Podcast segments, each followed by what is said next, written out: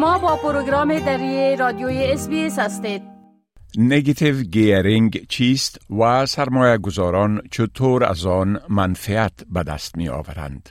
negative gearing اصطلاحی است که معمولا با سرمایه گذاری املاک مرتبط است. negative gearing زمانی رخ می دهد که مخارج یک مسکن سرمایه گذاری بیشتر از درآمد حاصل شده از آن باشد. از جانب دیگر سرمایه گذاری وقت می تواند مثبت باشد که درآمد کرایه آن برای پوشش همه مصارف مرتبط با ملک و جایداد به شمول سود قرضه کافی باشد. مکسویل شفمن رئیس اجراعات در شرکت انتراپک پراپرتی یکی از بزرگترین توسعه دهندگان املاک استرالیا است. او نگتیو گیرینگ را به حیث یک روش قابل دسترس برای مالیت دهندگان استرالیایی می داند که دارای املاک سرمایه گذاری هستند.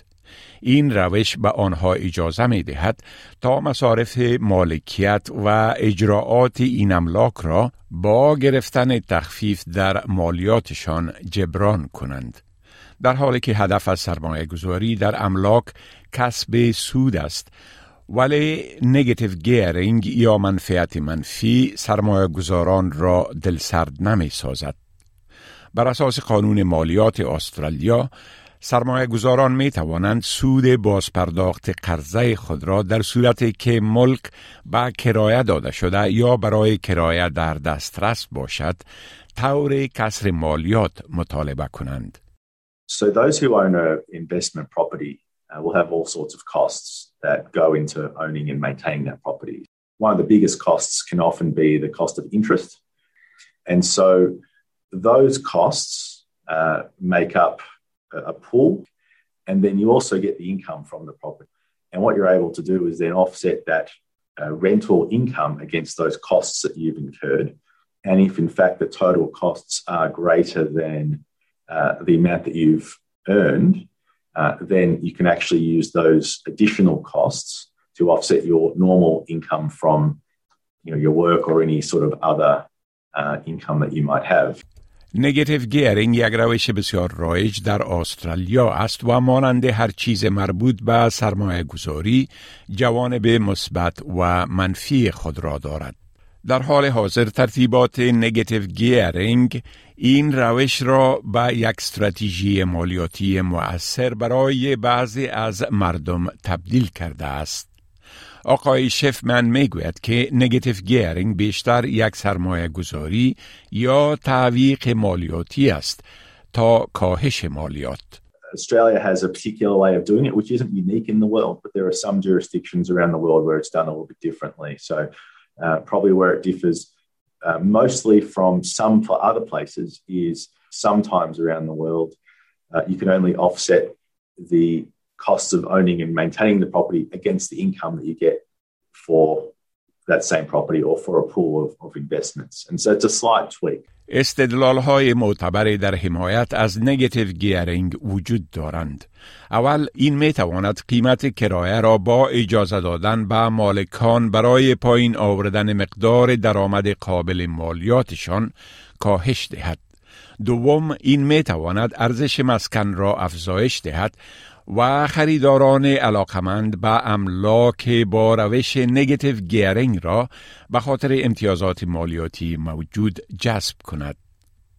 ستیون مکنبرگر مدیر اجرایوی گروه خدمات مالی و مبصر ارشد در یک اداره خدمات مقایسه مالی به نام کنستر است.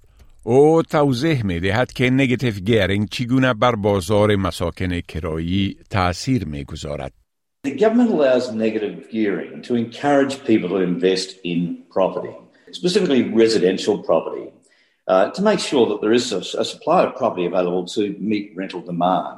Now, if the stock of property falls to an, an inadequate level to meet demand, rents go up, housing becomes un- unaffordable, and if the shortfall is severe enough or long standing enough, people can actually find themselves homeless. نگتیو گیرینگ از چند سال به این سو موضوع بحث برانگیز در میان سیاستمداران بوده است. در طول انتخابات فدرالی 2019 بل شورتن از حزب کارگر با مطرح ساختن نگرانی های در مورد نابرابری اجتماعی تعهد کرد که مزایای مالیاتی نگتیو گیرینگ را برای املاک سرمایه گذاری موجود محدود کند. اما صدر اعظم انتونی البنیزی حمایت خود را از سیاست فیلی نگتیو گیرینگ حفظ کرده است. از سوی دیگر حزب لیبرال طرفدار استفاده از نگتیو گیرینگ به حیث تخفیف مالیاتی برای صاحبان املاک سرمایه گذاری است. If negative gearing is repealed, at the margin property investment becomes less attractive, fewer people participate in it, and that threatens the supply of rental property, which means higher rents and housing shortages. پیتر کولیزوس مدیر برنامه تحصیلات ماستری در رشته املاک در پوهنتون ادلید است. آقای کالیزوس توضیح می دهد که این برای سرمایه گذاران امر معمول است که در سالهای اولیه مالکیت یک ملکیت ضرر می کنند. If they negatively gear the wrong property, say a brand new apartment, for example, which doesn't have much capital growth, not only are they losing money week to week, but also there's not much, there's no capital growth, a very limited capital growth. So they're going to make a capital loss as well. Um, and the other negative is its limit, limited serviceability.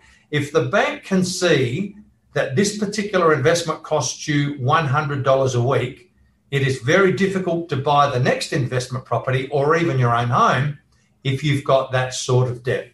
سرمایه گذاران با تصاحب و سرمایه گذاری در املاک می توانند ثروت دراز مدت کمایی کنند و اتکا بر حقوق تقاعد دولتی و حمایت تقاعدی را کاهش دهند. Tax benefits encourage individuals to invest and save especially to help them become self sufficient in retirement. So, for example, even if you own that one investment property that was $500,000 and you eventually pay that off, you probably won't be eligible for the old age pension, or if you are, you'll only get a portion of it. So, therefore, they're less of a burden on the government coffers. سال مالی استرالیا به تاریخ سی ماه جولای به پایان رسید و اظهارنامه های مالیاتی سال مالی گذشته باید بین اول جولای و سی و یک اکتبر تحویل گردد. بپسندید، شریک سازید و نظر دهید. اسپیس دری را در فیسبوک تعقیب کنید.